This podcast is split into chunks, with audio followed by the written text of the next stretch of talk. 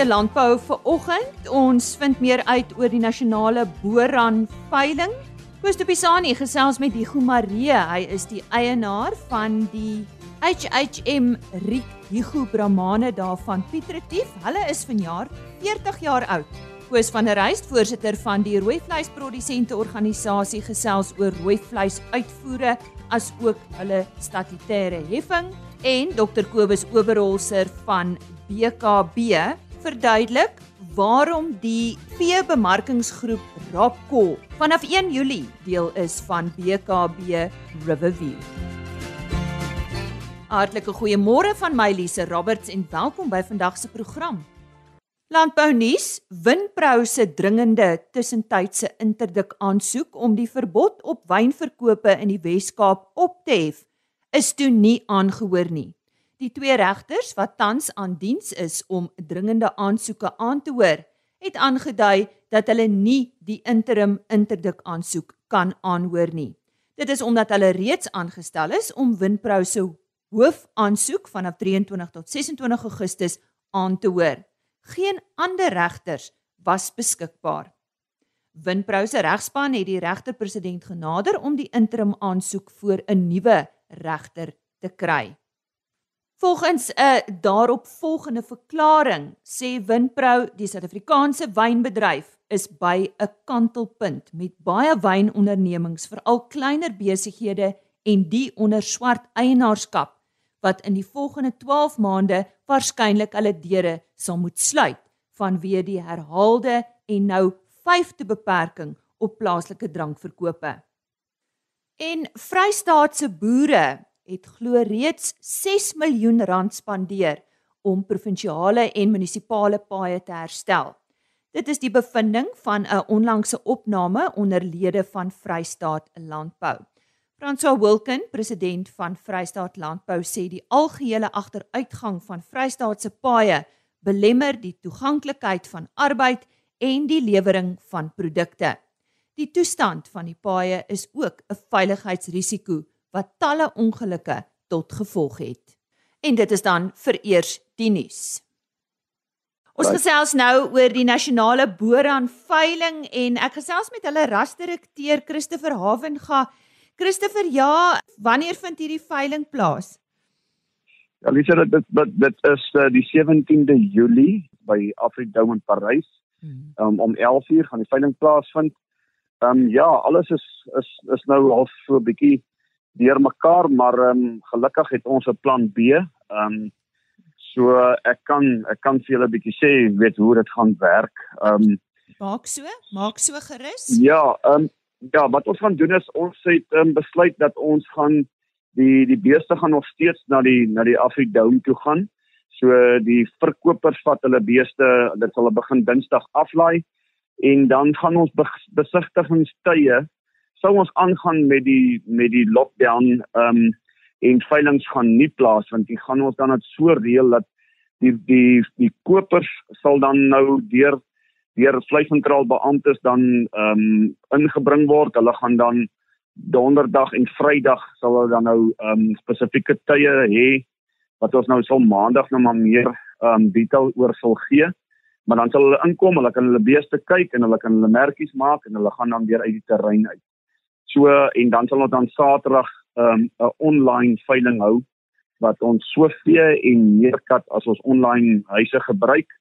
Ehm um, en dan kan die ouens nou maar be op op die online. Dit is daar's nie 'n ander manier wat ons kan dit kan doen. Hmm. Nou wat is so spesiaal oor julle diere hierdie jaar? Ja, ek is uh, verskriklik opgewonde. Ek dink ons het 'n uh, baie baie goeie bil aanbieding. Ek dink vir die stoetboere daar buite as ook kommersiële ouens, ek dink die bulle se gehalte gaan uit die boonste rakke wees en dan die vroulike diere is ehm um, is een ook so mooi soos die ander en ons het 'n regtige besonderse aanbieding.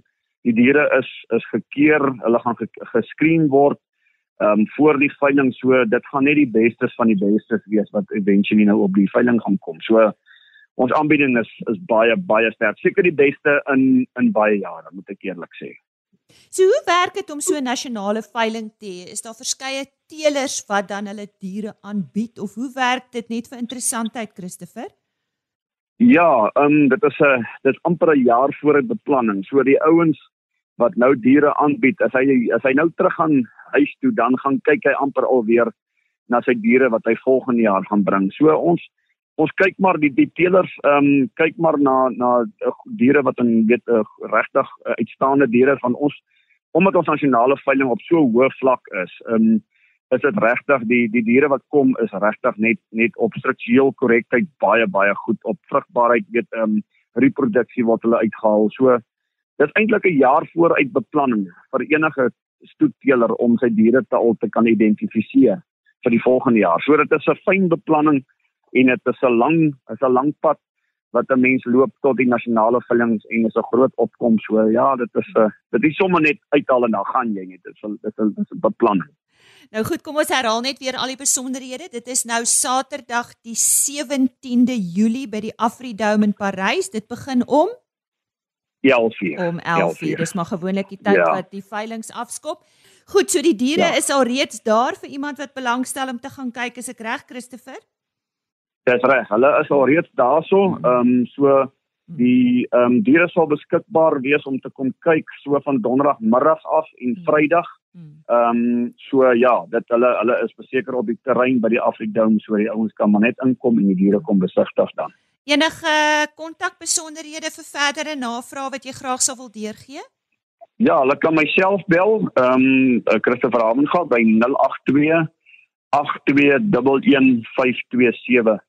Ehm um, ek sal hulle die meeste inligting kan gee. Ehm um, so ek dink ehm um, ja, as iemand enige navrae het kan hulle my skakel en ek sal dan help. En so sê Christopher Havenga, hy's natuurlik rasdirekteur van die Boran Beestelers Genootskap en hy het met ons gesels oor hulle nasionale veiling van 17 Julie by die Afridome in Parys.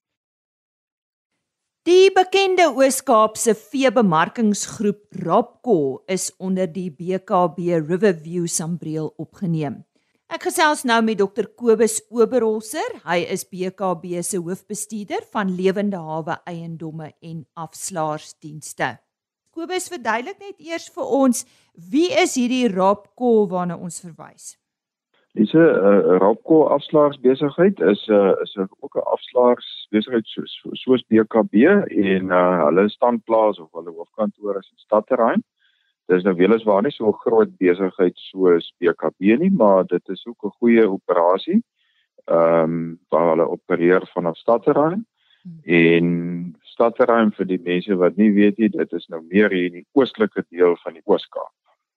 Nou BKB Riverview, hulle is nou deel gaan nou deel vorm van hulle. Wie is BKB Riverview?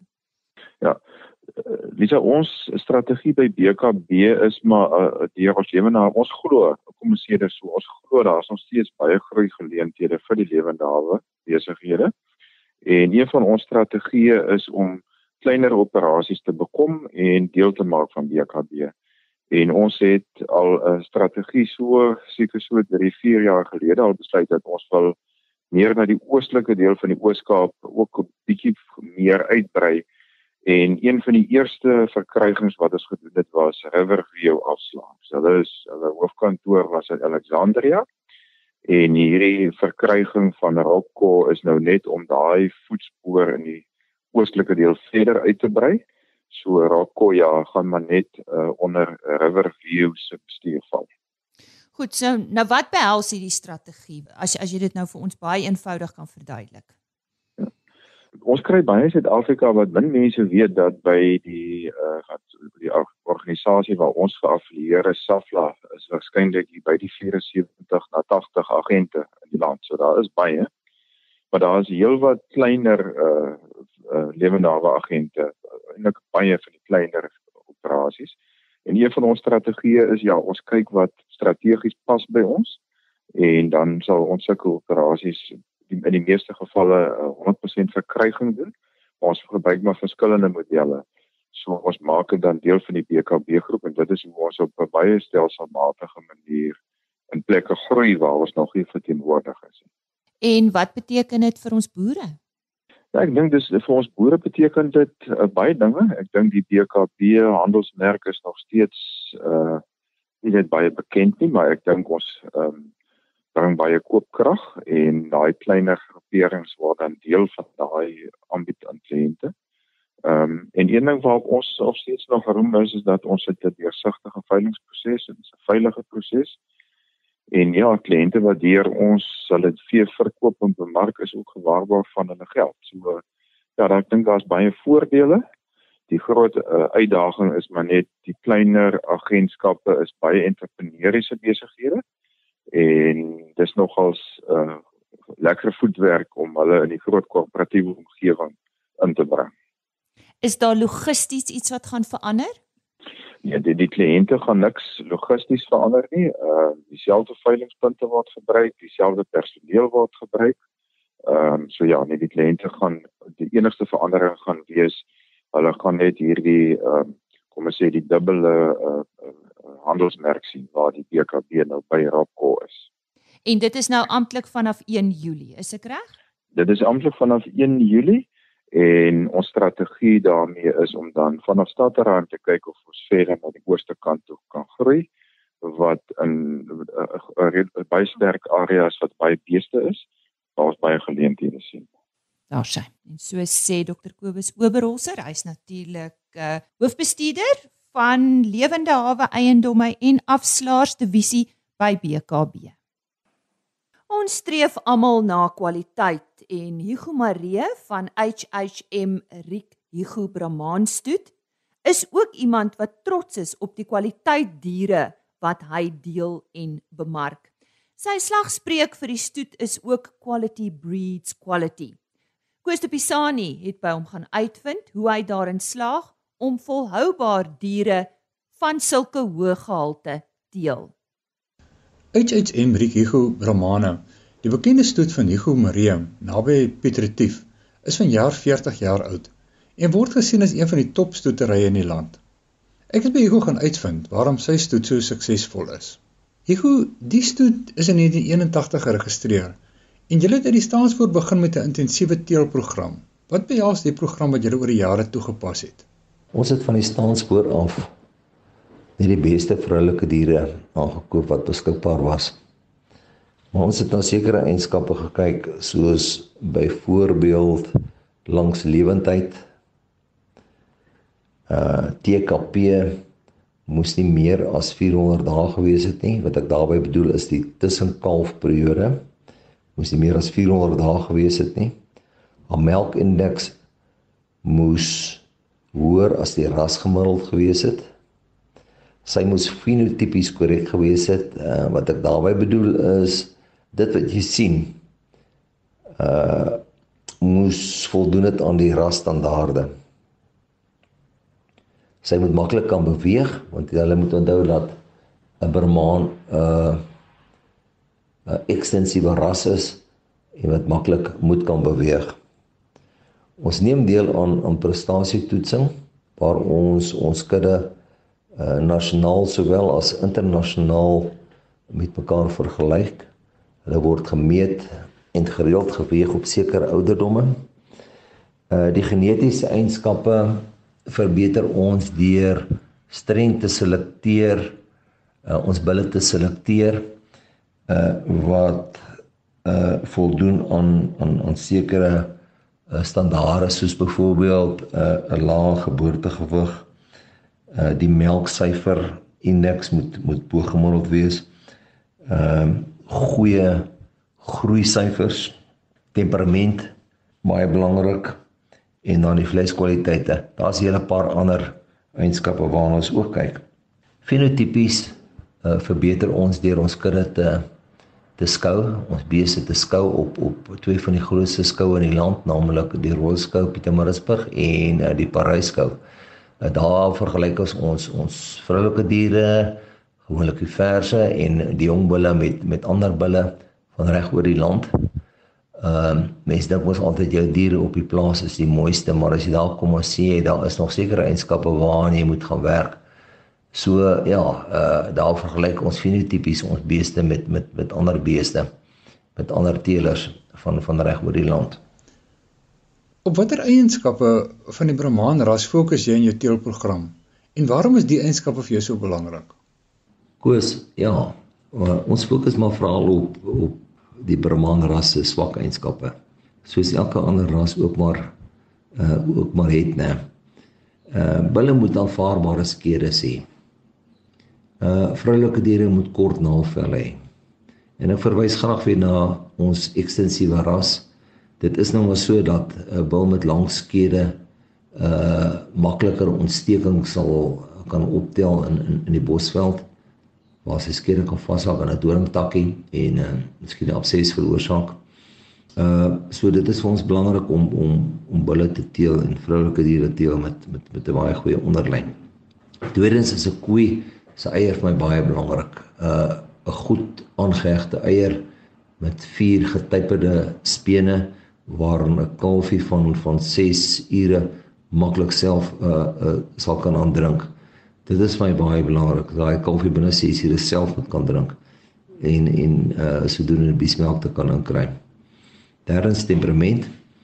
Uh nou almal verwys altyd na die Brahman as as die wilde bees of as die temperamentele bees. Maar ek moet vir julle sê uh 'n Brahman word ook die makste van alle rasse. Jy kan enige tyd in die veld stap by my en, en aan my koeie gaan raak en en aan hulle vryf. Uh ek wil ook net hierby by sê dat uh, die Brahmane seker uh, die intelligentste beesras en dit is hoekom hy seker meer temperamenteel is as ander as ander diere. Hy weet wanneer daar gevaar is. Loofvermoë soos ek al reeds uh vroeër genoem het, uh ons selekteer baie streng op op loofvermoë. Die bees moet voldoen aan aan aan aan daai vereiste uh sy beenstrukture moet moet moet sterk wees. Hy moet uh, uh goeie hake, goed gedefinieerde hake hê. Uh nie sekel nie, nie reguit nie. Sy voorbene moet moet moet reg reg staan op sy voorbene. Uh ja, so uh loopvermoë is baie belangrik en natuurlik vleiseienskappe. Ons steel met vleisras beeste. So die die die beeste wat ons selekteer moet moet vleis dra. Goeie breedte agter voor uh goed gevul en binne sowel as buite daai goeie lente, sterker rug, uh, goeie bespiering. Ja, dit is maar basies die eienskappe waarop ons waarop ons uh, streng selekteer koes. Hugo, wat is die mees uitstaande prestasies wat jou diere oor die afgelope 40 jaar behaal het? Jo, om sommer so uit die feite te kan noem en wat ek kan onthou, daar was talle maar nie minder as 4 uh, Gold Cups wat wat ons gewen het uh, tydens die Royal Skou in uh, Pietermaritzburg en ook baie ander senior en groot kampioene oor die afgelope paar jare. Uh, wat egter uitgestaan het was die Wêreldkongres 2014 se opperste kampioen Brahman Bull AHM 1024 wat daai jaar gewen het. Dit was ook 'n internasionale skou waar daar beeste van van buurlande ook tentoon uh, gestel was. 'n Paar jaar na dit uh teen ons 'n bil met die naam of die nommer van AHM 1422 wat 'n seun was van 1024 en in 2017 uh, word uh 10 1422 breedplan se teelwil van die jaar finalis En dieselfde al word hy ook raskampioen Brahmanbil op uh die Parys uh, Expo waar hy toe kwalifiseer vir uh die wêreld uh of the champ of the world, the Brahman champ of the world en waar hy sy afdeling Afrika, Europa en Asië toe toe wen. Uh daarna het hy teen die res van die wêreld kompeteer, naamlik in Suid-Amerika, Noord-Amerika en Australië waar hy toe die tweede plek behaal het. Hugo, jy's betrokke by internasionale mededinging. Dink jy die Suid-Afrikaanse Brahman ras vergelyk word die algemeen goed op die internasionale platform? Beslis. Die Suid-Afrikaanse Brahman is 'n beter aangepaste dier. En ek sê so omdat uh, die Suid-Afrikaners uh teeldiere wat enige plek in Suid-Afrika kan aanpas. Uh Suid-Afrika is 'n land met met groot met 'n groot variasie van topografie soos byvoorbeeld uh, die dorre Noord-Kaap, Natalse hooglande, Natalse middellande met sy suurveld, ekstensiewe uh bosveld waar die maksimum temperature kan styg tot ver oor die 40 grade. Die Hoëveld met sy eie ysige winters. Dit dit maak dit dit maak dit moeilik om vir diere te teel wat wat enige plek uh in Suid-Afrika aanpas. En uh ek dink ons kry dit reg en daarom daarom dink ek jy weet ons het ons het 'n beter aangepaste uh Brahman as die res van die wêreld wat meer 'n uh, uh topografie het van eenvormigheid. Tweedens die Suid-Afrikaanse Brahman is beslis 'n meer korrekte uh weergawe van van die Brahman ras se unieke eienskappe. Oorsee konsentreer die uh die teelers veral op uh vleiseienskappe en en rasegte eienskappe soos 'n uh, manlike kop, uh sterk bespierde nek. Uh daai eienskappe uh, gaan verlore. So uh, hulle kyk net na na na, na vleiseienskappe, selfs hulle hulle bene, hulle agterbene uh, is is baie keer baie swak. Uh onderontwikkelde testes met 'n met 'n klein of 'n lae skrotum on, omtrek, swak skedes. Ehm uh, soos ek gesê het, jy weet die vleiseienskappe uh seleksie ten opsigte van vleis uh dra prioriteit by hulle terwyl ons beeste baie meer balans het, 'n beter balans het. Uh 'n bees is wat wat wat kan loop, wat kan aanpas, uh wat alle tipe veidings in Suid-Afrika kan benut. So daarom sou ek sê uh ons kompeteer sterk, baie sterk teen die Europese rasse en ek dink hulle besef dit ook dat uh ons diere, ons bulle, veral ons bulle van uitstaande gehalte is uh baie goed gebalanseerd, goed aangepas, vrugbare manlike Brahman bulle. Hugo se slagspreuk vir sy stoet is quality breeds quality. En oor die afgelope 40 jaar het hy bewys dat hierdie uitgangspunt vir hom baie goeie dividende ingebring het. Dit was Hugo Maree wat met reg trots is op sy Brahman stoet. Ek is Koos de Pisani vir RC Landbou. Ons dank aan Koos de Pisani en uh, gereelde RC Landbou luisteraars sal hoor dat ons uh, met talle Brahman boere gesels. Dit is uh, een van ons fokusareas vir uh, hierdie maand. So luister uit vir nog onderhoude met Brahman teelers. Ek het verlede week met Koos van der Reis, die voorsitter van die RPO hier op RSG Landbou gesels. Dit was Woensdag 7 Julie. Hy het toe onder andere gepraat oor die skaapvleisbedryf, die beesvleisbedryf, geleenthede in die rooi vleisbedryf. Hy het natuurlik oor diere siektes en naspeurbaarheid gesels. Vandag uh, 'n opvolggesprek en uh, ons gesels oor uitvoere en statutêre heffing in hierdie bedryf. Koos, uh, dankie dat jy weer by ons aansluit. Uitvoere is natuurlik nog 'n suksesverhaal. Ja, Lisa, uh, uitvoere is 'n suksesverhaal. Uh 4% van produksie in terme van beesvleis word tans uitgevoer met bilaterale ooreenkomste En dit kan ons doen ten spyte daarvan dat ons ons closure vrye status verloor het. En dan hier 'n ander geleentheid om voorgedoen uh, in terme van die van die skape, die uitvoere per skip.